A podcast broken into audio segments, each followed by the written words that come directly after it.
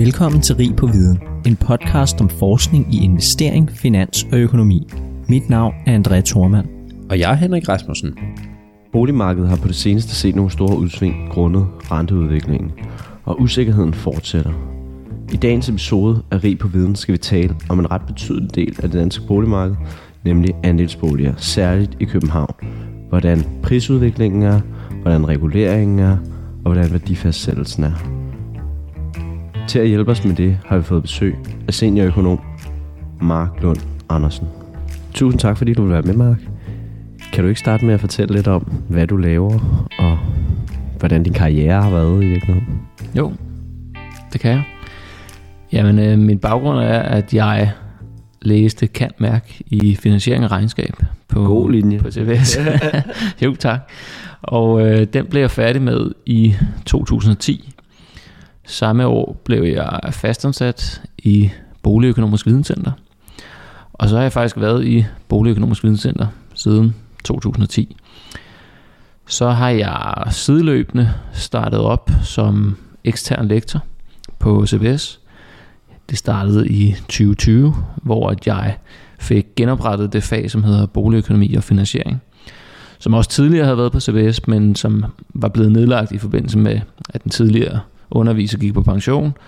Og i 2020, der fik jeg så formået at få genoprettet faget på, på CBS, og øhm, underviser stadigvæk i boligøkonomi og finansiering i dag. Fedt. Og, og, og hvad laver Boligøkonomisk Videnscenter, og hvad laver du derude? Jamen, vi har egentlig mange forskellige gøremål. Man kan sige, at vi blev oprettet i kølvandet på finanskrisen. Og det, der var formålet, var ligesom at skabe en, en, en stemme, en øh, uafhængig part, en objektiv part, som kunne være med til at kvalificere den boligøkonomiske debat, skabe ny viden, skabe øh, ny data og være med til at sætte øh, nogle projekter i søen. Vi arbejder med mange forskellige eksterne parter, som øh, laver analyser for os. Øhm, så vi bruger ligesom specialister på, på forskellige områder til at lave projekter. Vi har også øh, med tiden fået flere og flere interne projekter, og øhm, der, der, der, der kan vi for eksempel skrive working papers, øh, rapporter, artikler, som den vi skal tale lidt mere om senere i dag. Øhm, så udtaler vi os i pressen, når der er boligøkonomiske emner, hvor, at, øh, hvor at der, der er brug for, for nogen til ligesom at fortælle, hvad der er op og ned i de her ting. Så det er mange forskellige øh, formål, vi har. Perfekt. Øh, og det er jo hvad kan man sige, fantastisk for det emne, vi skal tale om i dag, den erfaring. Øh, fordi vi skal nemlig tale om andelsboliger. Så til at starte med, øh, helt overordnet i virkeligheden, hvad er en andelsbolig, hvordan afviger den fra andre boligformer? Jamen, øh, andelsboligen er en af de fire store boligformer i Danmark, som, som vi øh, kender det i dag. Vi har andelsboligsektoren, ejerboligsektoren, den private udlejningssektor og den almennyttige udlejningssektor. Det er ligesom de fire største øh, sektorer, vi har. Andelsboligsektoren er så den mindste, når man ser på det på landsplan. Den fylder kun omkring 7,5% af boligmassen. Men det, der er særligt ved andelsboligsektoren, er, at den lige nøjagtigt i København fylder omtrent 30% af boligmassen, og altså er den største sektor der. Det der så også er, øhm, det, det der gør, at gør den speciel, det er, at det er ikke, øh, dem, dem er blevet kaldt lidt en mellemting blandt en ejerbolig og en lejebolig. Så det der sådan teknisk set er ved andelsboligen, det er, at den er reguleret. Det vil sige, at den må maksimalt handles til det, der er den enkelte andelsboligs maksimalpris. Det tror jeg, vi vender tilbage til senere. Mm. Så, så det juridiske setup med en andelsbolig er ligesom helt anderledes end, øh, end, end en ejerbolig. Der er det ved det, at når du køber en andelsbolig, så det du køber, det er egentlig et andelsboligbevis. Mm. Og det bevis, det giver dig en råderet over en af de boliger, som hele den enkelte andelsboligforening ejer.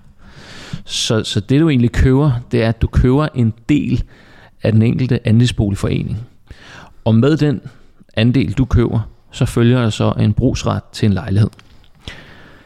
Det gør så også, at, at man rent juridisk har nogle, nogle, nogle steder, hvor man ligesom afviger fra ejerboligen, som egentlig virker logisk, når man i tale sætter sådan her. For eksempel, så kan du ikke som privatperson tage realkreditlån i dit andelsboligbevis, ligesom du kan med en, øh, med en ejerbolig. Fordi det ikke er dig, der direkte øh, ejer den, altså du ejer en del af foreningen.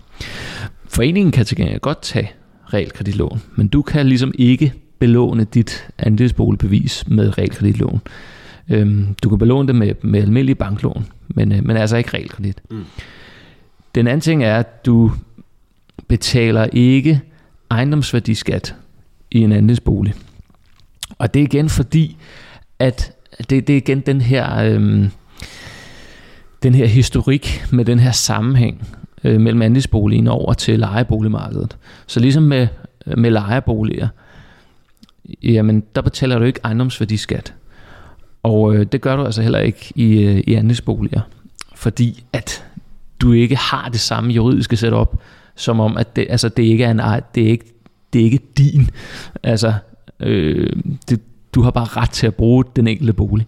Mm. Så, så, så det, det er den anden ting. Og den, den tredje vigtige ting at sige, det er også, at fordi der ofte ligger øh, en stor mængde, eller der, der ligger ofte en vis mængde gæld i andelsboligforeningen, så er det også værd at bemærke, at det fradrag, du har for renter og bidrag som privatperson, for al den gæld, du har i en ejerbolig, det har man ikke omvendt i, øh, i andelsboligforeninger, fordi igen, en andelsboligforening er ikke en privatperson. Mm. Så, og, øhm, og derfor så kan man ikke øh, i andelsboligforeninger for den andel af gælden, som vedrører andelsboligforeningen, foreningen, drage nytte af det rentefradrag, som privatpersoner har. Mm. Så der er ligesom de her tekniske ting, som, som gør, at der er en, en forskel mellem øhm, andelsboliger og ejerboliger. Jeg vil gerne lige høre om det der med ejendomsværdiskatter. Det er sådan set bare for at forstå det. Altså, den enkelte betaler ikke ejendomsværdiskat, hvis de har en andelsbolig, men der bliver betalt, betalt en form for skat af den værdi af ejendommen i foreningen, af den bygning, øh, den forening ejer, eller er det forkert forstået? Øh, det er ikke decideret forkert forstået, øh, fordi man det, det der er ved det, det er, at man har i, øh, i Danmark har vi to skatter som du som ejerbolig, øh, altså som ejer en ejerbolig betaler. Du betaler grundskyld, og du betaler ejendomsværdiskat. Andelsboligforeningen, de betaler også grundskyld. Men hverken du eller andelsboligforeningen betaler den skat, der hedder ejendomsværdiskat. Så den er altså helt fritaget i andelsboligforeningen. Og hvorfor, hvad er logikken bag det? Jamen det, man kan, det, det er også sådan en, der har været op til diskussion mange gange. Men det er igen fordi, at du, du, du ligesom anskuer andelsboligforeningen som om, at, at, at ligesom om det var en, øh, en øhm, udlejningsejendom, mm. kan du sige. Og ligesom med, med udlejningsejendom, der betaler ejer eller lejer heller ikke ejendomsværdiskat. Der betaler du også kun grundskyld. Mm. Og så, så, så det er derfor, altså det er også en af, en af um, grundene til, at mange kalder det lidt en mellemting mellem en, en ejerbolig og en, en lejebolig.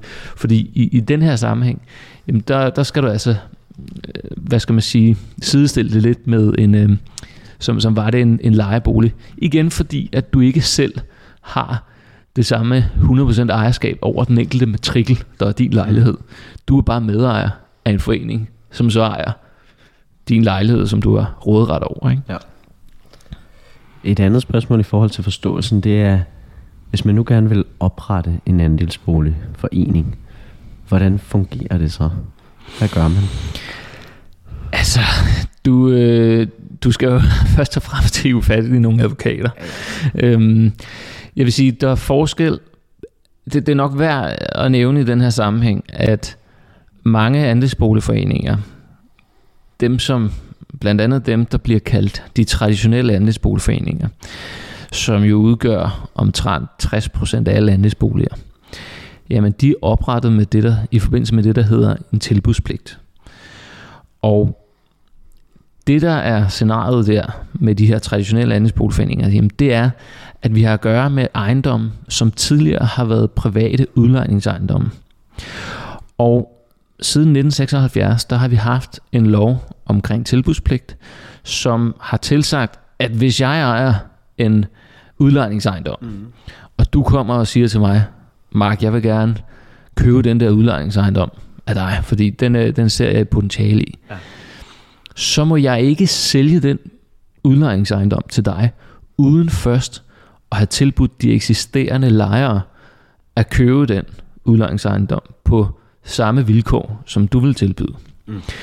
Så, så, så jeg kan altså ikke sælge den, den her ejendom til dig, uden at øh, lejerne først har haft muligheden for at købe den. Der, der, den måde, de så må købe den på, det er ved at oprette en andelsboligforening. Så du kan ikke øh, oprette en ejerlejlighedsforening. Det skal altså være en, øh, en andelsboligforening. Det er det, der ligger i det her med tilbudspligt. Så det er altså sådan, at rigtig mange andelsboligforeninger er oprettet. Du kan dog også sagtens oprette en andelsboligforening, hvor at du laver det som nybyggeri. Og, øh, og simpelthen bare vælger, at det er den boligform, det, det skal være. Men, øh, men den, øh, det har vi stort set ikke set de sidste øh, 10-15 år. Altså i nuller, øh, undskyld, i 2010'erne blev der så godt som ingen nye andelsboligforeninger øh, opført. Så, så, så ja, og det, det, vi kommer lidt tilbage til det. det. Det er også lidt det, der er med andelsboligforeninger, det er, at når de er billige, så er det fordi, de er ældre. Mm. De nye og nyerførte er ikke specielt billige mm. i udgangspunktet, hvilket vi nok kommer tilbage til senere, hvorfor. Ja, ja, det var nemlig også bare lige for at forstå sådan historien bag, bag hvordan den her ja. øh, boligform opstod egentlig. Altså er det den, den gamle historie om onde udlejere, øh, som skulle sælge en eller anden øh, øh, hvad hedder det, ejendom på et eller andet tidspunkt, og så var der nogle lejere, der blev ret sure, og valgte at slå sig sammen i virkeligheden? Altså, er det, er det der, øh, altså, det kommer fra? Jeg vil, jeg vil nok ikke gå så langt til at kalde det onde udlejere. Det, det, det der er, altså det, det, det, det er også noget, som egentlig er ret essentielt for andelsboligmarkedet, og det er, at det er meget, meget øhm, opdelt, forstået på den måde, at 60% af dem er, er de her traditionelle andelsboligforeninger. Og der ligger de ligger i meget høj grad i København. Øhm, jeg mener, det er 80% af dem alle sammen, som ligger i København. Så, så, så det er ligesom en klump, vi har.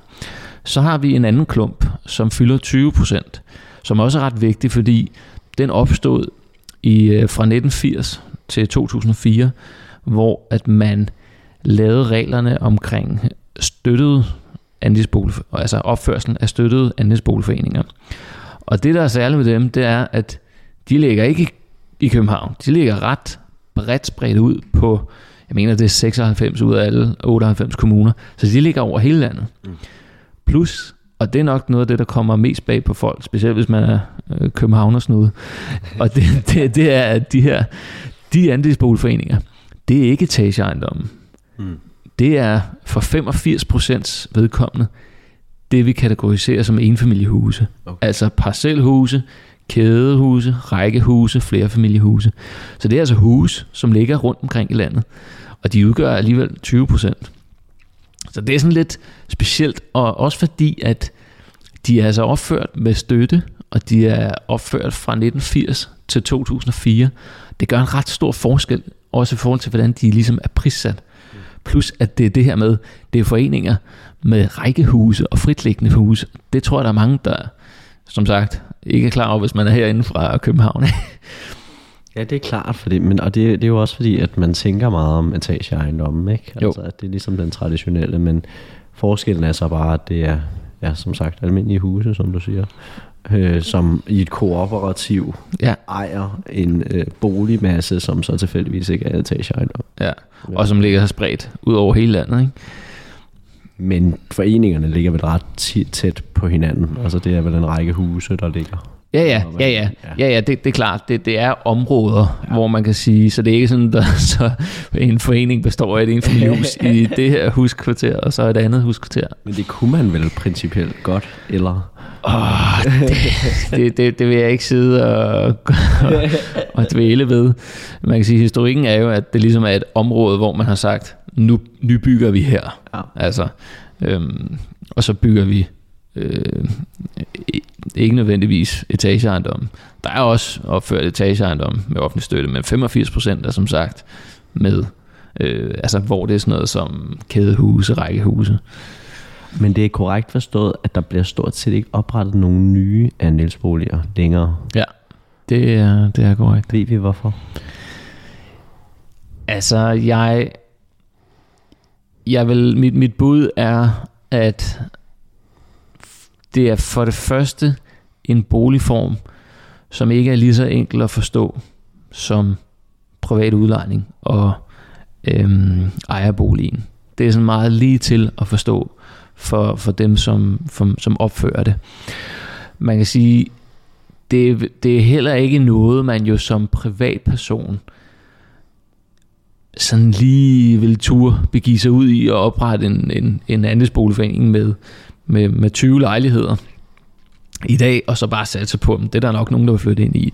Så det er jo større udviklere, som skal, hvad skal man sige, påtage sig sådan den slags opgaver og opføre andelsboligforeninger, hvis det er. Og man kan sige, der er det bare nemmere for en developer at opføre en øh, privat udlejningsejendom, eller en ejendom med ejerlejligheder, hvor de ved, at de kan sælge det til, til, til frie markedspriser. Ikke? Ja.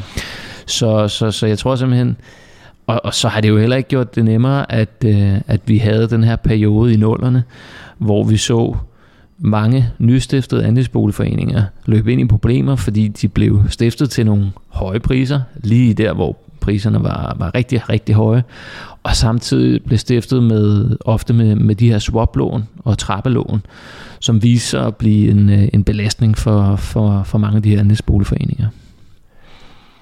Og det er også sådan lidt til omkring udviklingen, og nu forgriber jeg nok lidt det senere, men, men det er fordi, du er inde på det. Det er rigtig forstået, der blev oprettet en del af andelsboligforeninger i, i nullerne.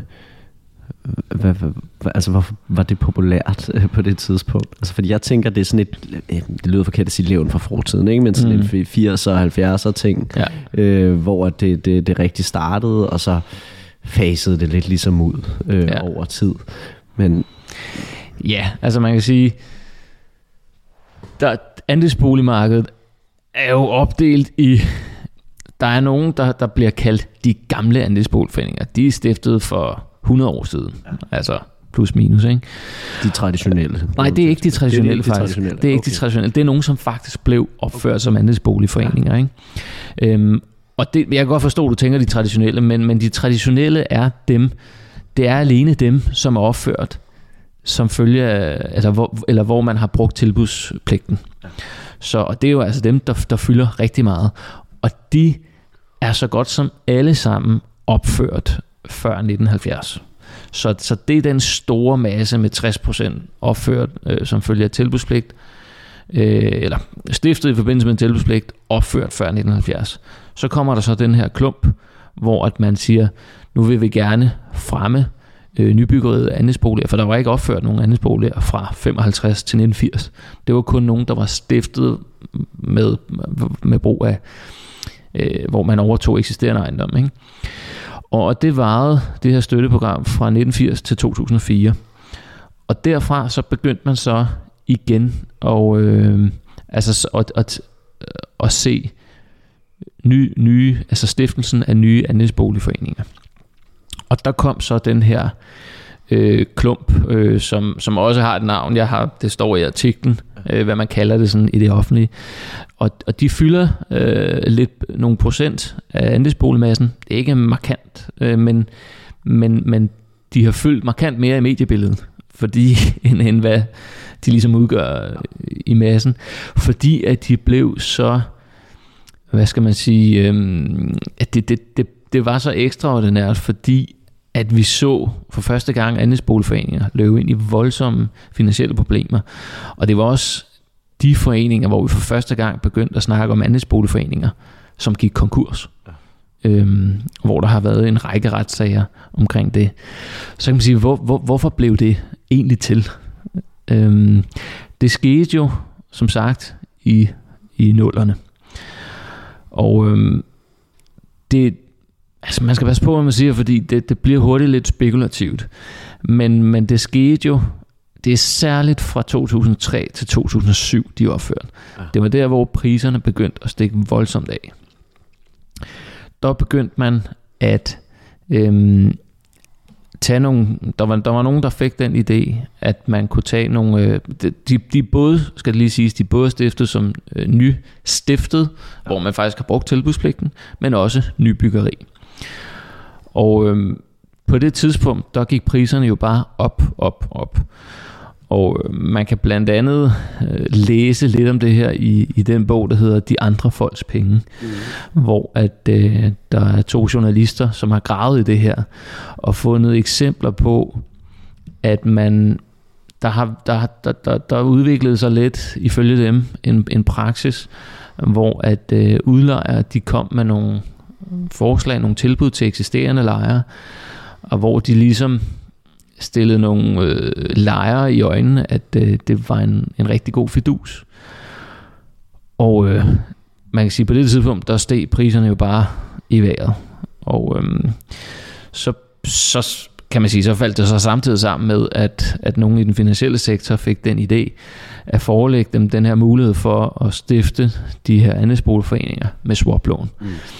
Så de bliver altså stiftet til nogle høje priser og med nogle swaplån, som ærligt talt mange af de her øh, andelsboligejere nok ikke reelt vidst, hvordan fungerede.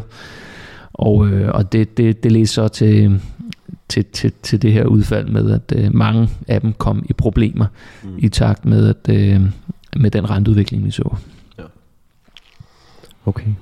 Øh, en anden ting, jeg også lige vil høre i sådan generelt omkring boligerne, det er, andelstanken er jo sådan kendt meget dansk ting, men er det her et meget dansk koncept, eller er det også noget, man gør i, i andre dele af verden?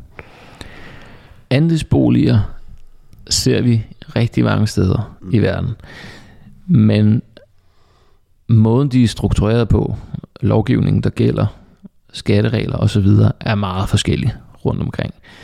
I, øh, I Sverige, der ser vi faktisk mange steder, at det, altså der har du faktisk flere andelsboliger en, der, der er ejerlejligheder ikke noget stort, men det er andelsboliger. Men til gengæld har de også liberaliseret øh, andelsboligmarkedet, så der er ikke nogen maksimal pris, som vi kender det her hjemme fra Danmark af. Okay. Så, så, så det er et eksempel. Det er Sverige. Øhm, et andet eksempel, som kommer bag på mange, det er New York, som, som faktisk har, jeg mener faktisk, de uh, isoleret set har dobbelt så mange andelsboliger, som vi har i hele Danmark. Øhm, så, så, og det er lidt overraskende egentlig. Hvad siger du? det er lidt overraskende. Ja, det er ret overraskende, og, og man kan sige, det, det er noget andet, der også er lidt overraskende, det er, at i, i New York, der er andelsboligerne, enten er, kan, du, kan du tage, hvad du vil, men og, så de har en klump, som næsten fungerer som ejerlejligheder, ikke? men de har også en klump, som fungerer som, altså hvor de er ultra reguleret de er ultra, ultra billige, og det er sådan noget, hvor du skriver dig op, og øh, så hvert år så afholder de sådan et lotteri, hvor der er nogen, der bliver udtrukket. Altså det, det er ligesom at vinde i lotteriet, og vinde sådan en andelsbolig der. Så, så, så der kender man det her med, at vi har noget regulering. Øh, I virkeligheden bare med nogle endnu større ekstremer. Øh, så har vi det, der kaldes øh, Wienermodellen. Øh, det er noget, som politikere herhjemme faktisk har talt ret meget om fordi at man i Wien har formået at skabe en andelsboligsektor, som hvor priserne er lave og er meget betalbare, og der er mange af dem. Så, så det er ligesom ofte blevet brugt som et eksempel på, at andelsboligforeninger kan, kan, kan være med til at levere et socialt bidrag. Mm. Men igen må jeg bare lige slå fast, at, at Wiener-modellen er lidt er temmelig svær at, at kopiere. Fordi det, der ligger bag Wiener-modellen, er også, at man at den, den har eksisteret, jeg mener, det er omkring 100 år efterhånden, og den baserer sig på, på nogle øh, salg af nogle grundpriser til, øh, som, som har ligget fast og sådan nogle ting. Det, det er meget kompliceret, den her vinermodel, men øh, det er i hvert fald også en, en, et sted, hvor vi kender andelsboligsektoren fra. Hvorfor har politikerne talt om den? Jamen, jeg tror, det, det, er, det er noget, der er blevet i tale sat, fordi at vi har en boligmangel i København. I særdeleshed mangel på boliger, der er til at betale for unge og for studerende. Så det er særligt de, øh, den, den øh, venstrefløjen, der har, der har i tale sat den her bolig, øh, det her eksempel fra Wien, mm. øhm, som, som en, en måde at øh, sikre betalbare boliger her i København. Nå, vi skal også tale lidt om, om prissætninger, inden vi går, i, går til, til den artikel, du har skrevet i Finansinvest. Så, øh, så kan jeg godt tænke mig sådan helt generelt at forstå, hvordan man prissætter en andelsbolig. Mm-hmm. Som, som jeg sagde tidligere, så, så det man køber, det er egentlig et andelsbevis. Og måden man prisfastsætter andelsbeviset på, det er i virkeligheden ved, at andelsboligforeningen fungerer på den måde, at, at de har regnskaber med resultatopgørelse og balance, som vi kender det, når vi øh, beskriver aktieselskaber. Og det man egentlig gør, det er, at man værdiansætter aktiverne, det er primært ejendommen, så kan der ligge lidt kassebeholdning. Så har vi passiverne, hvor at vi har en egenkapital, den vender vi tilbage til. Og så har vi også øh, gæld, der kan være stiftet af foreningen. Det var den, jeg fortalte om tidligere, hvor man kan sige, at de kan godt oprette realkreditgæld. Øh, de får bare ikke fradrag for nogen, øh, de får ikke rentefradrag. Så kan der være hensatte forpligtelser, mm. som også kan, kan være en betydelig størrelse. Det, er, kan, det kan være alt lige fra øh, hensættelser til, hvis der skal laves et tag for eksempel, så har man sagt, okay, det her, det ved vi, de udgifter kommer. Men du har også andelsboligforeninger, hvor man har hensættelser til at imødekomme eventuelle prisfald. Så det kan være forskellige ting. Okay. Og man kan sige, egenkapitalen er jo ligesom med, med, det, med de generelle regnskabsprincipper, den, den, den, hvad skal man sige, residuale størrelse, som følger af aktiverne minus de andre passiver med undtagelse af egenkapitalen.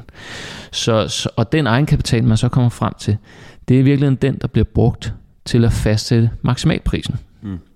Så du kan sige, at den her egenkapital bliver ligesom fordelt ud på de her andelsbeviser, og står ligesom for, er ligesom et udtryk for, hvad øhm, kommer til at betyde, at den enkelte andelsbolig haver maksimalt kan tage et eller andet beløb for, for, sin, øh, for sin andelsbolig. Så det er altså de ting, der afgør, hvad maksimalprisen i sidste ende bliver. Ja.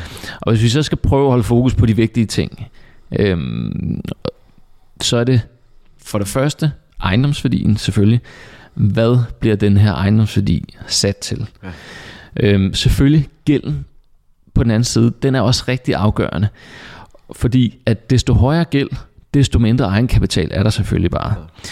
Men man kan sige, at gælden, det er altid sådan et, ja, man kan sige, det, det, det, det er lidt et spørgsmål om, altså hvis du har meget gæld, så har du et billigt andelsbevis, så er der mindre, du skal finansiere selv. Hvis du har meget lidt gæld, så har du til gengæld et dyrt andelsbevis, og skal formentlig finansiere rigtig meget selv, eventuelt med banklån. Så det, det er ligesom det, så der hvor gæld har en betydning. Så gælden kommer ind et andet sted i virkeligheden. Hvis den ikke er i forening, så kommer ja, den måske præcis. Privat. Præcis. Så, så det altafgørende, det er over på aktivsiden. Det er ligesom, hvordan værdiansættes den her ejendom. Det er jo hovedaktivet. Ikke? Og der er det, at vi har en lovgivning, hvor at vi hvor den enkelte anden, som, som giver den enkelte andelsboligforening mulighed for at benytte tre forskellige metoder. Man kan bruge det, der hedder anskaffelsesværdien. Ved den, der bruger du simpelthen bare den pris, du betalte dengang andelsboligforeningen blev stiftet, eller alternativt det, det kostede at opføre den, hvis den er nyopført. Ikke? Den metode, fordi den, den reguleres jo ikke, så hvis vi har en, at gøre med en andelsboligforening, som er stiftet i 1978, så vil den så vil det jo være en meget lav anskaffelsespris. Og, og, og, og, og, og det vil så give en, øh, en, en meget lav øh, ejendomsværdi, og det vil også bare betyde over på balancen, at egenkapitalen bliver meget lav, og maksimalprisen bliver meget lav.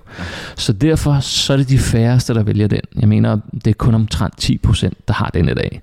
Og så kan nogen måske tænke, hvorfor er der alligevel 10%, der har den?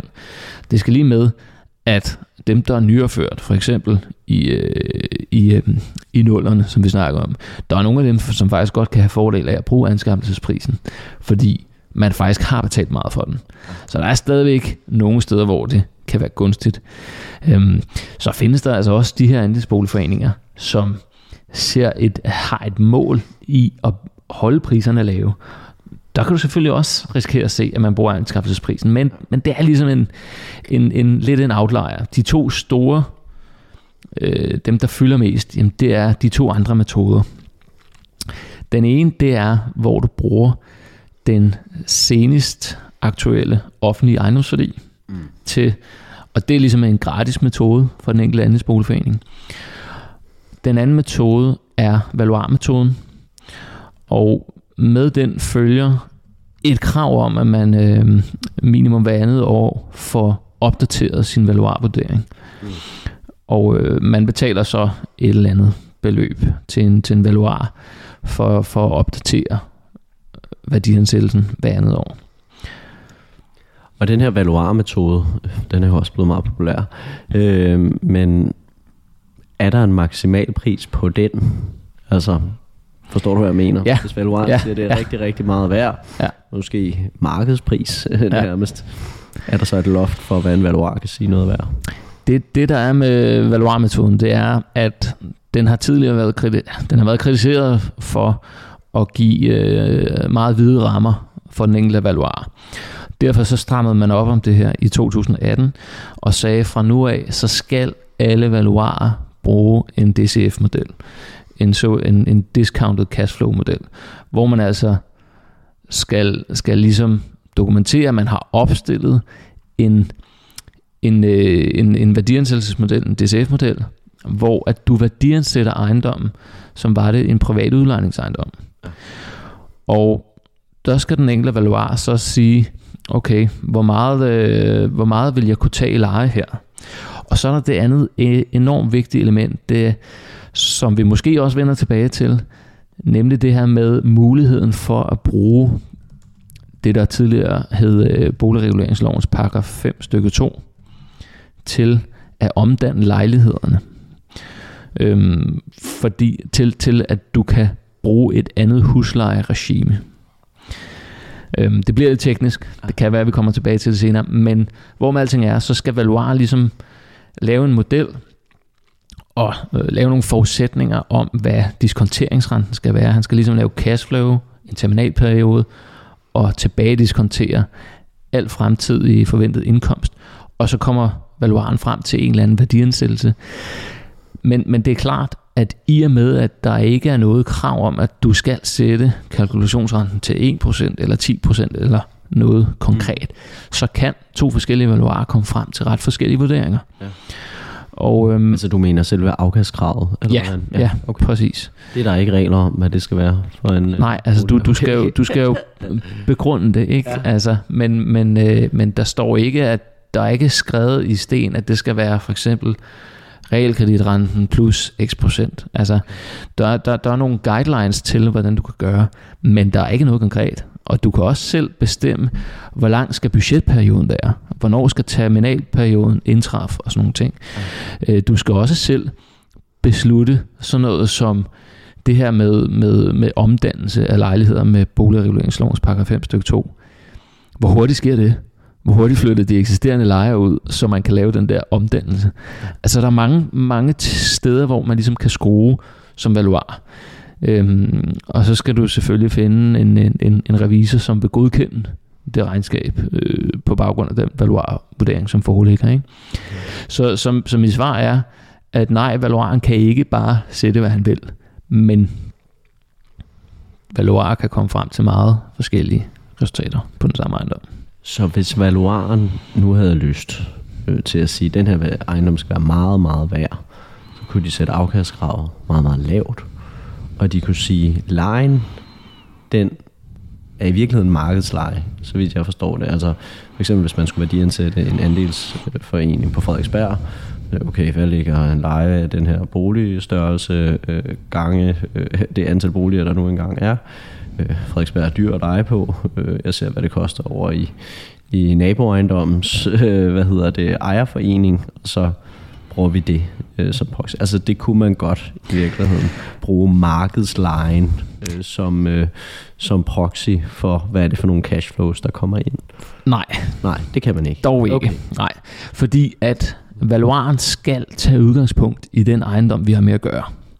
Så hvis vi har at gøre med en ejendom, som er opført i 1950, så skal valuaren altså, valuaren vil være bevidst om, at her vil gælde, hvis det er i København, Ja.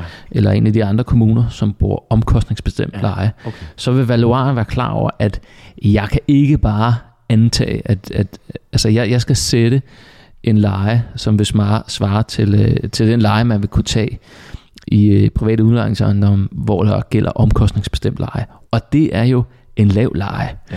Men det er der, hvor den her øh, boligreguleringslov, paragraf 5 stykke 2, kommer ind, fordi at ligesom med almindelige private udlejningsejendomme, så må du også godt som valuar, så skal du ligesom også antage, at jamen, en køber vil langsomt, som de eksisterende beboere flytter ud, kunne omdanne legemålet og overgå fra omkostningsbestemt leje over til det, der hedder det lejedes værdi.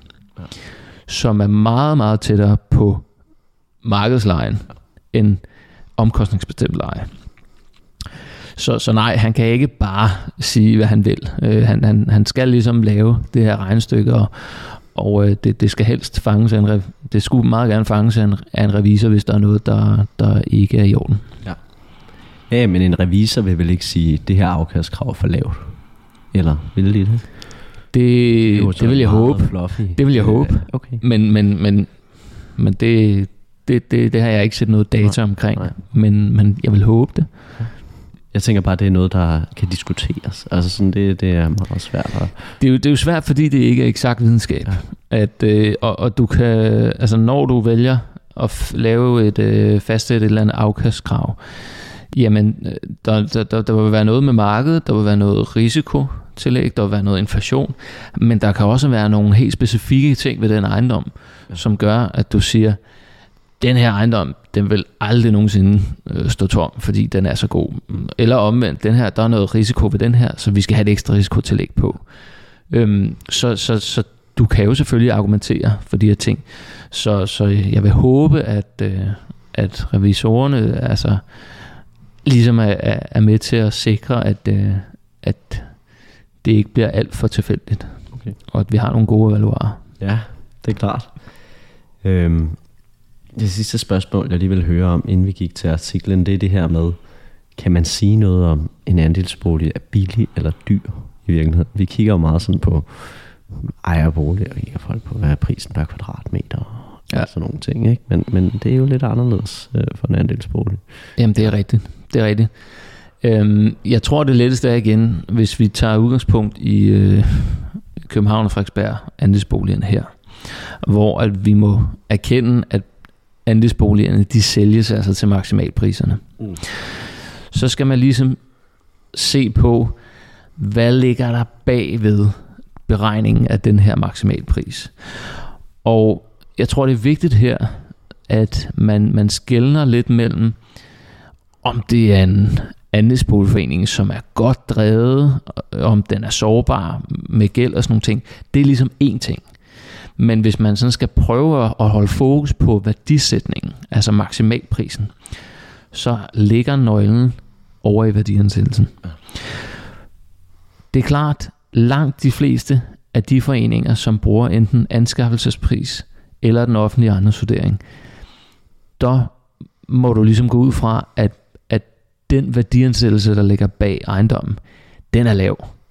Og derfor vil det spille over i egenkapitalen, eller over på balancen, og, øh, og, og dermed også i sidste ende den maksimalpris, der er gældende. Så derfor må du også øh, som udgangspunkt gå ud fra, at jamen, der har vi at gøre med en billig andelsboligforening. Hvis vi så tager den, den, den, den tredje, øh, som jo i dag er blevet den største i København. Øh, ja, det er det. det, det der, der skete jo det i 2013, at Rigsrevisionen de lavede en rapport, hvor de kom frem til, at de offentlige ejendomsvurderinger var meget upræcise. Og øh, den kritik ledte i sidste ende til en suspendering af de offentlige ejendomsværdier, mm. som altså har ligget stille, eller som har ligget uforandret for, for, for erhvervsejendommen siden 2012. Og det har altså betydet, at hvis man har brugt offentlige ejendomsværdier, så har du ikke fået opdateret din, din, øh, din, an, din maksimalpris siden 12.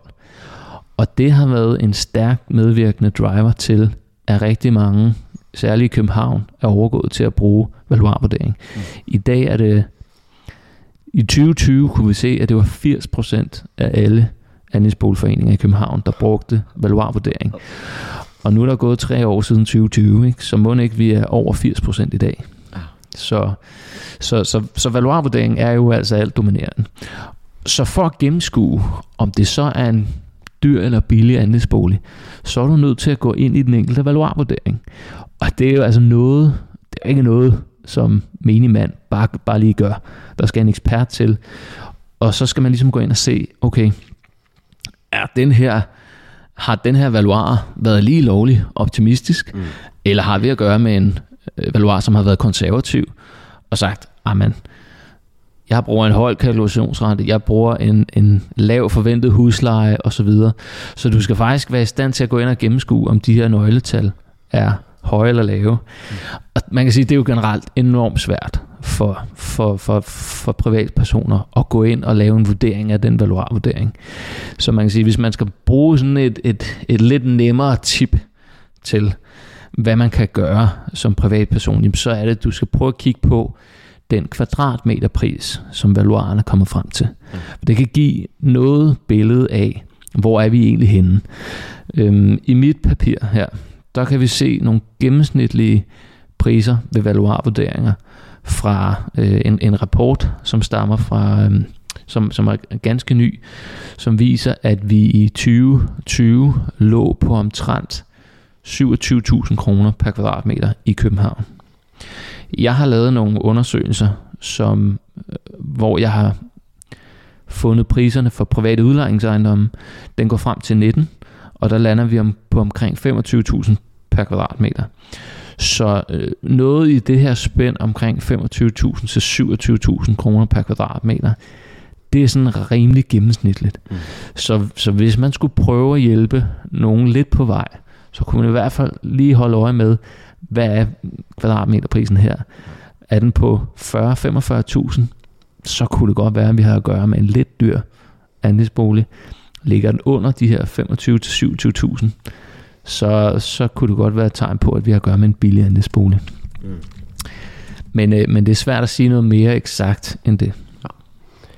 Nu nævner du selv øh, dit, øh, dit papir, din artikel, øh, som du har skrevet i Finansinvest, som, som jeg også tænker, vi, vi lige skal tale om, for det var det sådan set det, der var udgangspunktet. Ja. Og, og du har skrevet den her artikel, der hedder Andelsboliger i København, regulering, prisudvikling og rolle på boligmarkedet. Hvad var, øh, hvad var hvad kan man sige, baggrund for, at du gik i kast med, med det projekt? Jeg vil sige, der, der har i virkeligheden været flere formål og, og årsager bag, bag den her artikel jeg vil sige, den vigtigste, altså den, den væsentligste driver motivation, var nok, at jeg længe undrede mig over, hvordan prisudviklingen for andelsboliger havde været. Øhm, det skal siges, at jeg var selv studerende i, i nullerne, og der var, havde man jo meget fokus på, hvad, der var man selv øh, så, at man var lidt bekymret for, for stigende priser, og øh, talte meget om, om priser på, på alle boligformer, og, og der hørte man bare mange af de her historier fra andelsboligmarkedet, hvor nogen havde købt et andelsbevis for 100.000, og to år efter, så lige pludselig, så, havde, så var det her andelsbevis steget til 600.000. Og jeg kan bare huske, at jeg undrede mig rigtig meget over, hvordan kunne det her egentlig lade sig gøre.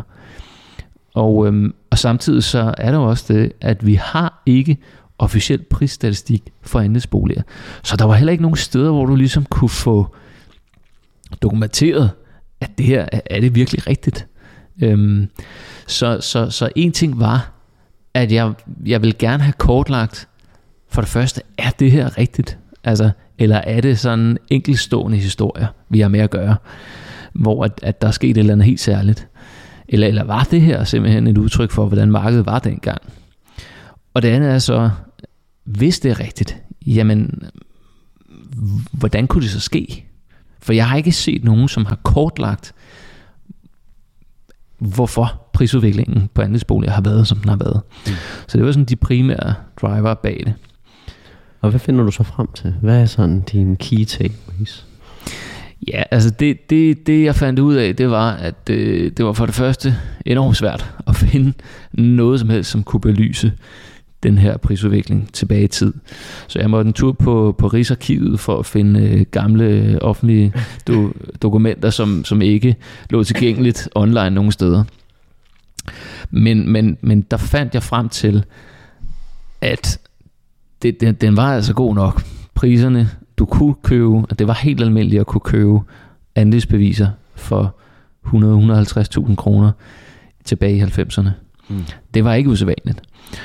Og, øh, og jeg finder også frem til, at der er den her tætte sammenhæng mellem udviklingen for private udlejningsejendomme og den ejendomsværdi, man ser i andelsboligforeninger gennem tiden.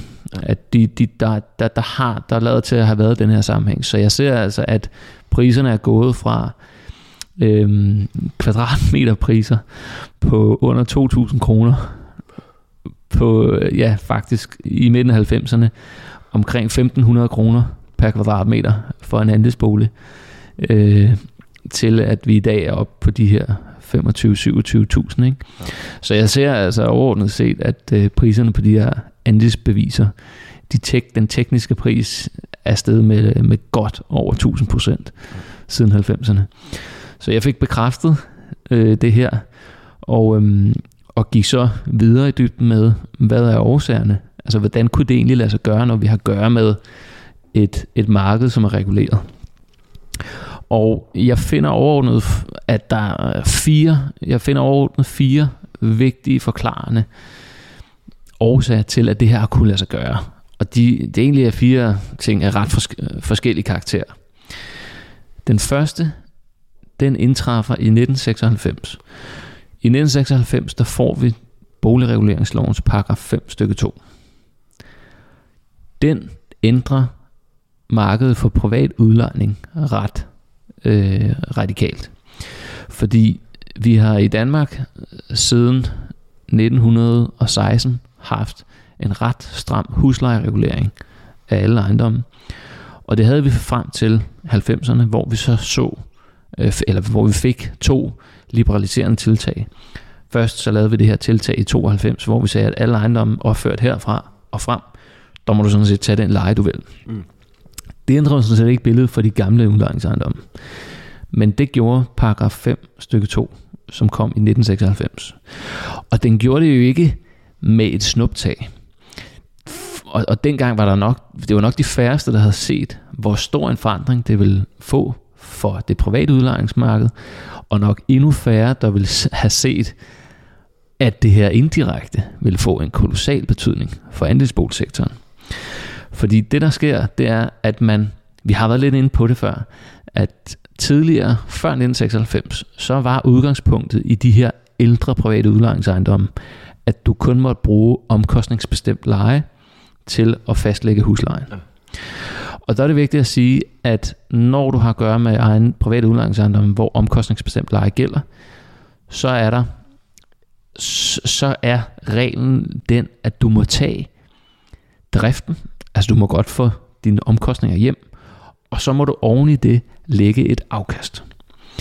Sagen er bare den, at det afkast, den beregnes, hvis ejendommen er opført før 1960, 19, undskyld, 1964, så er det afkast, du må lægge oveni, det svarer, det er 7% af den offentlige ejendomsværdi fra 1973. Og det er ikke et tal, som indeksreguleres. Så det er klart, det afkast, du dengang måtte tage, jamen det, det er jo blevet udhulet af inflationen fuldstændigt. Og derfor så kunne du som investor ikke rigtig få noget afkast ud af de ejendomme, fordi øh, beboerne sad der til så lav en husleje, at du sådan set bare få det til at løbe rundt. Og det er det, der forklarer, at vi dengang så priser i København på private udlejningsejendomme på omkring 1.500 kroner per kvadratmeter. For de var ikke rigtig noget værd for investorer. Det der så sker med, med, med øh, indførselen af paragraf 5 stykke 2 i 96, det er, at man, man siger, at fordi at, at øh, standarden af mange ejendomme i København var blevet så dårlig, øh, fordi investorerne havde jo ikke det store incitament til at vedligeholde de her ejendomme. Så valgte man at sige, hvis du vil gå ind som, en, som ejer og lave gennemgribende forbedringer af det enkelte legemål, på en, en størrelsesorden, omtrent, i dag er det omtrent en kvart million. Øhm, eller, og så er der sådan minimum for øh, pris for antal kvadratmeter. Hvis du vil bruge de penge på at forbedre den, kan dokumentere, at det er gennemgribende forbedret, så må du godt for den enkelte lejlighed overgå til at bruge det, der hedder det lejes værdi. Som er en helt anden måde, hvor at du finder frem til huslejen. Hvor du benytter dig af huslejen i sammenlignelige ejendomme til at bestemme, hvor meget må du tage. Så du, det skal lige med, at, at man må kun gøre det her i takt med, at, at lejerne flytter ud. Man kan altså ikke forcere en gennemgribende renovering af en hel ejendom. Men det gjorde jo ligesom, at langsomt, som de eksisterende lejere begyndte at flytte ud, så fik du omdannet nogle lejligheder, hvor du skiftede fra det her meget restriktive regime øh, med omkostningsbestemt leje over til at bruge det lejes værdi. Og det er klart, lige pludselig, så begyndte de her ejendomme at gå fra nærmest ikke at være noget værd, fordi du ikke kunne få et, et afkast, øh, så godt som ikke kunne få et afkast, til at lige pludselig blev de meget værd. Det fik priserne på private udlejningsejendomme til at stige, og det spillede så også indirekte over på andelsboligerne, som altså, øh, hvor at, at de ligesom også fik gavn af det her. Og derfor så kunne andelsboligerne stige som følge af det. Så det har været en rigtig væsentlig driver. Så kommer der en anden ting, som også har været, jeg vil sige, det er ikke det, der direkte har drevet priserne op, men det har været en forudsætning for, at priserne kunne drives op. Og det var, at før 2005, fordi at vi havde at gøre med den her konstruktion, hvor, vi, hvor det er en andelsbolig, hvor du ikke er en ejer, jamen så kunne du, så kunne du heller ikke tage pant i den enkelte andelsbolig. Mm. Det betyder, at man prøvede at finde alle mulige andre veje på at sikre øh, banker, som vil lege ud til andelsboligforeninger, garantistillelse af forskellige øh, arter. Øhm, men det er klart, at øh, det, det, det, det var et problem, at du kunne ikke give nogen banklån med særlig stor sikkerhed som bank, fordi at du kunne ikke tage pant i den enkelte andelsbolig. Ja. Og det betød også, at hvis du stoppede med at betale mig som bank, så kunne jeg sådan set ikke sige, fint, så sælger jeg den bare til anden side. Nej, det, fordi jeg kunne ikke tage pant i den. Og det er klart, som priserne begyndte at stige, så blev det her et større og større problem. Ja. Fordi der er forskel på at låne 100.000 ud til en eller anden andelsbolighaver, og uden at du får pant i det, og på lige pludselig at låne en million ud. Og i dag flere millioner. Og i, så, så det, der skete i 2005, det var, at der indførte man andelsboligbogen, hvor man gjorde det muligt at tinglyse pant i andelsbeviser. Og, øh, og det er klart, havde, havde, havde det ikke fundet sted, jamen så er det, så er det stærkt tvivlsomt, om, om de prisstigninger, vi har set, kunne have fundet sted. Fordi det er svært som bankrådgiver at sidde og låne 3 millioner ud til noget, hvor du ikke har pant i det. Ikke? Øhm, så, så det var det næste. Øh, det andet, den anden pointe. Den, den tredje ting, der sker, det er den her suspendering af de offentlige ejendomsvurderinger, som jeg var inde på, som sker i 2013. Fordi det gjorde, at vi så en... Altså, vi havde længe set, at andelsboliger, de var, at folk var gået over til i højere og højere grad at bruge valuarvurderinger. Men fra 2014 til 2020, der så vi på landsbasis, at andelen af foreninger, der brugte valuarvurderinger, den gik fra 31% til 60% på 6 år, skal lige sige, ikke? Og der er jo ikke noget, se det bagklodskabens klare lys, er der ikke noget overraskende i det, fordi man havde suspenderet de offentlige ejendomsvurderinger. Så lige pludselig så fik du som andelsboligforening ikke del i de generelle prisstigninger, vi så i samfundet. Så derfor er der ikke noget mærkeligt i, altså mange valgte at sige, okay, nu overgiver vi os til valuarvurderinger. Og, øh, og det gik så op i, det, det gjorde så, at vi fik en fordobling af forening, antallet af foreninger, der brugt valuarvurderinger, og vi fik mere end halveret andelen af foreninger, som bruger de offentlige ejendomsværdier.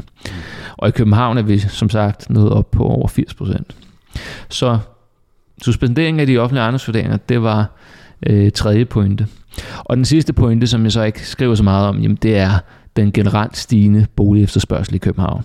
For det er klart, at den her prisstigning på private udlejningsejendomme, og det, at man har kunnet udleje til det lejedes værdi, som har været stige, stærkt stigende, det er også et udtryk for, at efterspørgselen har været konstant stigende, og udbuddet ikke har kunnet følge med den stigende efterspørgsel i København. Det er klart. Hvad hedder det, hvis man sammenligner, fordi det er jo en ret voldsom prisudvikling, øh, du lægger frem, ikke? Men, men det siger jo nok også noget om, hvor, hvor lavt niveauet kommer fra. Øh, nu ved jeg ikke, om min historielæsning er korrekt her, men som jeg husker det, så var København også nogle økonomiske problemer i 90'erne. Ikke? Øh, det var ikke også sikkert af, af nogle af de samme årsager, som du nævner her, særlig attraktivt i virkeligheden, at han, han øh, en, en lejlighed i København. Øh, var Københavns Correct. Kommune ikke og skulle ved at gå konkurs og sådan nogle ting. Altså, det var... At, altså, man kan, vi kan i hvert fald bruge øh, den, den det, vi kalder øh, den største sladerhang på boligmarkedet, priserne. Fordi priserne på ejerlejligheder i København, det skal jo også med i den her sammenhæng. De lå altså der i midt-90'erne på under 6.000 kroner per kvadratmeter. Og det var jo et udtryk for, at København dengang ikke var specielt attraktivt at bo i. Øhm, men så kom den her voldsomme indsats i form af byfornyelsen, som jo lige pludselig gjorde København til et hip sted at være, øh, ikke lige så forurenet sted at være, og der skete bare en, en masse ting, som, som lige pludselig gjorde København meget mere attraktivt. Og det har jo også udspillet sig ved, at priserne på de her ejerlejligheder er steget fra i underkanten af, af 6.000 kroner per kvadratmeter til et eller andet sted mellem 40 og 50.000 kroner per kvadratmeter de seneste par år. Så det er vel nogenlunde tilsvarende stigning? Øh... Ja, ikke helt. Ikke helt. Det er det ikke, fordi at øh, vi, vi, vi kan sige, at vi, vi har at gøre med noget, der ligner en 7-8 øh, dobling af priserne i København og på Frederiksberg, mens at på andelsboligmarkedet, at der er nok nærmere en 15 dobling, ja. vi, vi har set. Ikke? Øhm, så, så, så den har altså været meget mere markant for andelsboliger. Okay, så spændet mellem øh, kvadratmeterprisen, øh, forskellen på kvadratmeterprisen for en ejerbolig og en andelsbolig er også blevet øh, hvad kan man sige, snævret ind i virkeligheden ja. med, at øh, kvadratmeterprisen er steget hurtigere for andelsboliger. Korrekt, korrekt. Øhm, jeg har en, en figur i, øh, i artiklen, som også viser det her, og som også viser, at hvis man tager udgangspunkt i priserne for private udlejningsejendomme som en proxy ja. for andelsboligpriserne, så lå de tilbage i 90'erne på omkring 30 procent. De var altså kun, de, det svarer altså kun til 30 procent af priserne for ejerlejligheder. Og øh, de er, det tal er de seneste par år nået op omkring 60 procent. Øhm, som jeg også nævnte før, vi er kommet op altså på omkring 27.000 per kvadratmeter, ikke? Og, og priserne i dag er omkring 45.000 per kvadratmeter for ejerlejligheder. Så, så, så, så procentuelt er spændet blevet mindre øhm, imellem. Altså rabatten er blevet mindre, men det er klart, at i absolute kroner, så er rabatten jo stadigvæk ganske markant. Og det er også derfor, at jeg kommer frem til den lidt paradoxale konklusion, at på trods af de her markant stigende andelsboligpriser, så har vi faktisk stadigvæk at gøre med en boligform, som har potentiale til at agere øh, billig alternativ til ejerboligen. Og det, det, det, det virker lidt specielt, men det er jo simpelthen fordi ud, udgangspunktet var så ekstremt lavt. Så Helt klart. Så formålet på den måde er intakt, ikke? Øh, hvis det skal være en billigere boligform. Altså også, sandheden er jo, og det kommer vi også lidt ind på, som, som jeg ser, nu har jeg også selv været andelsboligejer, det er super svært at få fat i en andelsbolig i København. Ikke? Absolut. Øh, Absolut. Altså, det er svært at få fat i en bolig generelt, men, Ja. det tror også er noget lettere at få fat i en ejerbolig, fordi så skal du bare betale, hvad det koster. Ja. Øh, men, men hvis du skal få fat i en andelsbolig, så skal du helst kende nogen, eller have noget familie, øh, eller være meget, meget heldig i en eller anden form for skuffesag. Ja, men det, det er rigtigt, og, og det, er, det er jo fordi, at på trods af, at vi har set meget stærkt stigende andelsboligpriser, jamen så har vi stadigvæk at gøre med nogle andelsboligpriser, som er reguleret.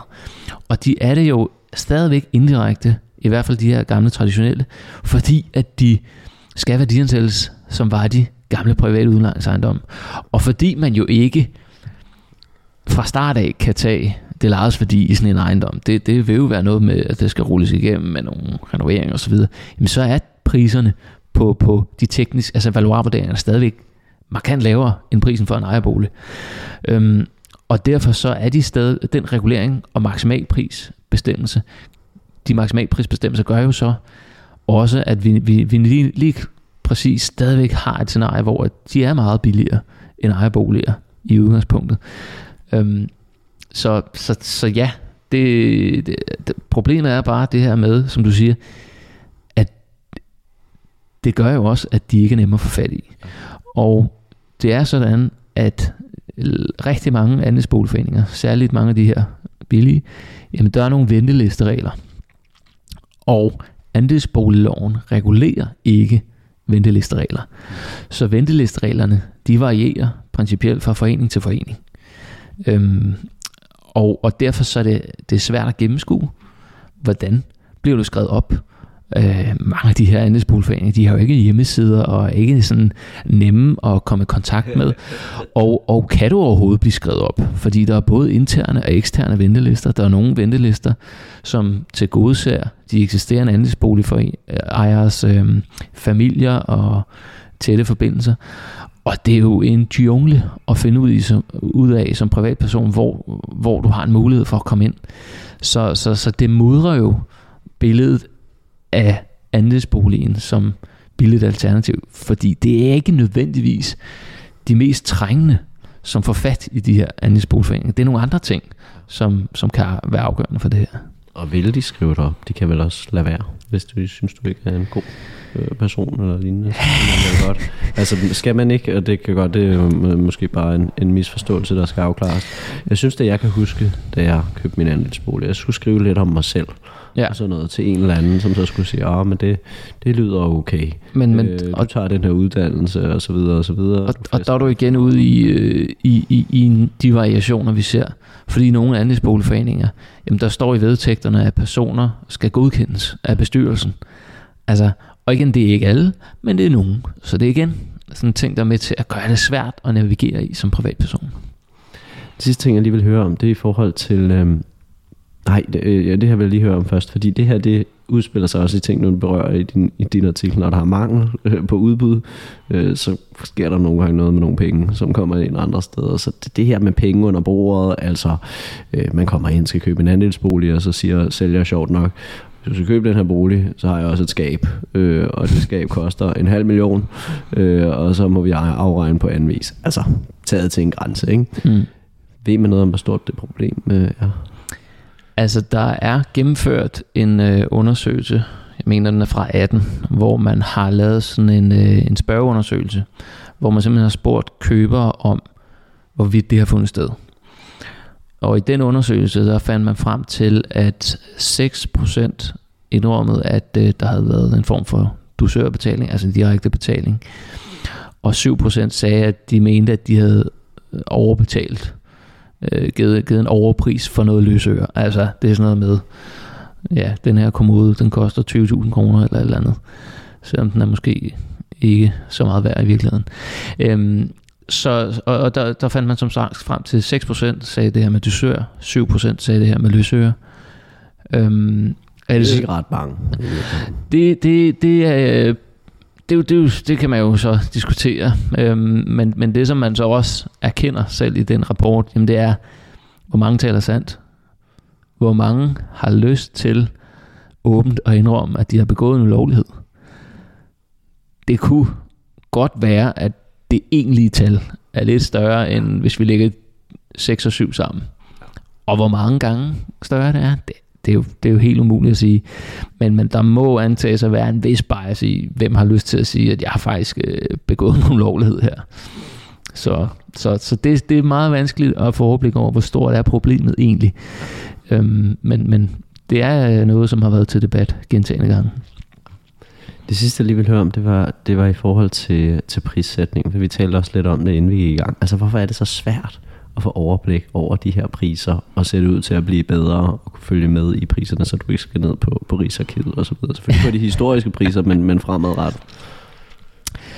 Jamen, øh, det, det er sådan, at man, øh, vi har som sagt ikke, endnu ikke officielle prisdata for øh, altså prisindeks for andelsboliger, ligesom vi har det med ejerboliger.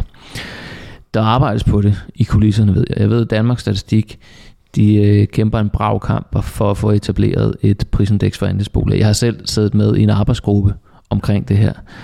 Og det, der ligesom er, er historikken, jamen det er, at og det, der også har været med til at gøre øh, andelsboligmarkedet temmelig uigennemsigtigt, jamen det er, at handlerne registreres ikke nødvendigvis andre steder end i øh, den enkelte andelsboligforenings øh, opgørelse over, hvem der ejer boligerne.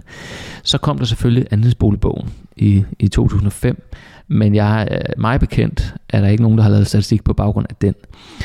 Men så er der så kommet et øh, nøgleoplysningsskema, som kom i midten af 10'erne, hvor at man sagde, at fra nu af, så skal alle andelsboligforeninger, inden en andelsbolig kommer i udbud, gå ind og indtaste nogle oplysninger om andelsboligforeningen. Ligesom som en form for sikkerhed for køberne for at finde ud af, er der swaplån her, hvor meget gæld er der her, og hvad bruger man for en værdiansættelsesmetode. Så man fik et standardiseret udbudsmateriale til potentielle købere. Det der bare var ved det, det var, at man fik ikke der klikket af, at man også skulle notere, hvad prisen var. Det får man først gjort i 2021 juli, og øh, det er faktisk grunden til, at vi har forhåbninger om, at vi snart vil kunne lave et prisindeks for andelsboliger. Det er fordi, at nu er det altså blevet, blevet en del af det her nøgletalske øh, oplysningsskema, at andelsboligforeningerne skal indberette de her salg. Så vi håber og krydser fingre for, at vi, vi snart begynder at kunne se nogle prisindeks, nogle officielle prisindeks for andelsboliger.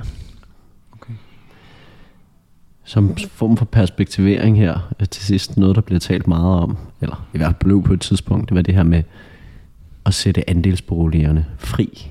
Altså vurderingen af, hvad den er værd, følge markedet i virkeligheden, som jeg har forstået det. Mm. Hvor er den, øh, den diskussion havnet, og hvad vil det egentlig sige? Altså det, det er jo en diskussion, som, som jævnligt popper op, det her med, skal vi sætte maksimalpriserne fri, og, øh, og, og, og dermed andelsboligmarkedet frit. Og jeg vil, det, er jo, det, er jo, det er jo en politisk, det er jo, det er jo en politisk ting, fordi man kan sige, det er jo, hvis man vælger at sætte andelsboligmarkedet fri, det er jo en, en, en øh, øh, det vil være en liber, et liberaliserende tiltag. Og det vil være med til at gøre, at dem, der har flest penge, de får fat i de her andelsboliger. Og det vil gøre, at den vil komme til at ligne ejerboliger endnu mere, i det, at det er det frie marked, der ligesom bestemmer priserne. Man kan sige, det der, det der omvendt også, det der omvendt også vil få af betydning, jamen det vil være, at, at der vil være færre af, af de her såkaldt betalbare boliger i København. Og det, er jo, det, det, det taler jo selvfølgelig ind i det her sociale perspektiv.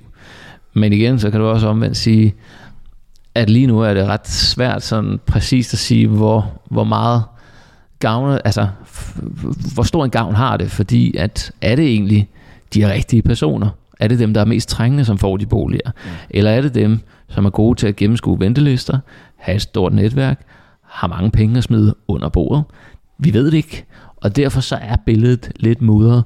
Men det er klart, det er svært i, i det nuværende miljø, hvor at vi har en udfordring med manglende betalbare boliger i København, så er det nok lidt svært politisk at, at se for sig, at der skulle opstå et, et flertal for at sætte markedet frit. Men det er selvfølgelig en diskussion, som kommer op i nyerne, og jeg vil ikke tage politisk stilling til, om det er en god eller dårlig idé. Det, øh, jeg kan bare sige, at det, det vil jo, hvad effekter det vil få den ene og den anden vej. Men det, det man taler om som model, det er ligesom at have et ekstra, en ekstra valgmulighed, eller bare for at forstå det, en ekstra valgmulighed som forening at sige, okay, vi kan vælge anskaffelsesværdi, vi kan vælge valuar, øh, vi kan vælge øh, markedsværdi. Altså er det, er det sådan, altså så man stadig har en eller anden form for valgfrihed? Hvad skal andelskronen øh, være? Altså jeg vil sige, jeg har ikke set, øh, jeg mindes ikke at have set nogle politiske forslag, som er kommet så langt frem, at okay. de er blevet så detaljeret, at man kan sige, at at er det egentlig en, en delvis deregulering, hvor foreningerne selv kan vælge, eller skal vi bare tvinge det ned over hovedet på alle? Øh, jeg har ikke set, om, så, om, om, om det er det ene eller det, eller det andet, der ligesom... Øh, jeg har ikke set det så detaljeret beskrevet. Men, men det er jo muligheder, som man sagtens kunne tænke sig til, det du beskriver med, at en ekstra måde, men, øh, men, men ja, det, det, ved, det, det er jeg ikke klar over. Okay.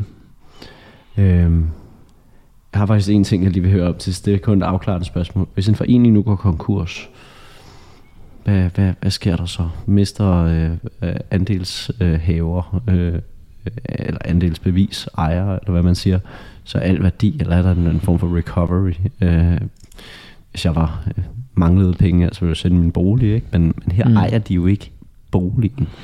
De ejer et bevis. Ja, man kan sige, de, de ejer jo sådan set stadigvæk øh, i fællesskab, ja. den her bolig. Så man kan sige, grundlæggende, så, så er der jo ligesom et bo, som ville skulle gøres op. Ja. Nu er det jo heldigvis stadigvæk meget usædvanligt at se konkurser i andelsboligforeninger. Og det er lidt forskelligt, hvordan de enkelte konkursboer, vi har set, er blevet håndteret. Men, og man kan sige, i praksis, hvis en andelsboligforening går konkurs, så er det altså typisk fordi, at man har fået så høj en gæld, at øh, den overstiger værdien af ejendommen. Og i det tilfælde, så vil der være, så vil vi jo have at gøre med et, et konkursbo, hvor der, når boet er gjort op, er et underskud. Mm. Så, så, så det, det der er, øh, det der typisk er set, jamen det er, at eksisterende ejere, de har mistet deres penge og er overgået til at blive lejere. Det overgår til at blive en udlejningsejendom igen bagefter. Okay. Kan man forestille sig, at højt gældsatte andelsforening, det er der vel stadig nogen tilbage af, mm. jeg mhm. går ud fra. Ikke? Ja. Øhm, nu er der jo sket meget med boligmarkedet. Renterne er stedet rigtig meget. Andelsforeninger kan vel også have variabel. Mm. Ja. Øhm, at der er nogle af dem, som lige pludselig, når den nye rentetilpasning kommer, bliver meget, meget øh, presset. Det kan man sagtens forestille sig. Om? altså det, det, det kan man sagtens forestille sig. Øhm, vi har endnu ikke, jeg har i hvert fald endnu ikke set eller hørt om nogen, hvor at det har været øh, meget kritisk. Men, men det er klart, det her det er et helt øh, afgørende aspekt for en enkelt andelsboligforening, ja. hvis du har meget gæld. Hvis du har meget, en andelsboligforening med meget gæld, og den er stiftet som variabel rente, så vil det i sidste ende jo give sig udslag i, at den løbende andelsboligydelse, du betaler hver måned, må stige. Og hvis du har været vant til variable renter på 0, og den lige pludselig hedder 3%, 4%, så, så kan du altså godt risikere, at du kan se frem til en rimelig omfattende stigning i andelsboligydelsen. Det er jo så et interessant projekt, man kan så over, hvis der også er nogle studerende, der ja. der med. Gældsætning af andelsforeninger og rentefølelser med. Nå, jeg vil sige tusind tak, fordi du var med, Mark. Det var virkelig, virkelig spændende. Selv tak. Tak for, at du lyttede med til Rig på Viden. Jeg håber, at du lærte noget, og hvis du nu synes godt af vores podcast, så kan du støtte os ved at følge den på Spotify eller skrive en anbefaling på iTunes. Inden på LinkedIn, der kan du følge André Thormand, Benjamin Somofen eller Henrik Fode Rasmussen. På genhør.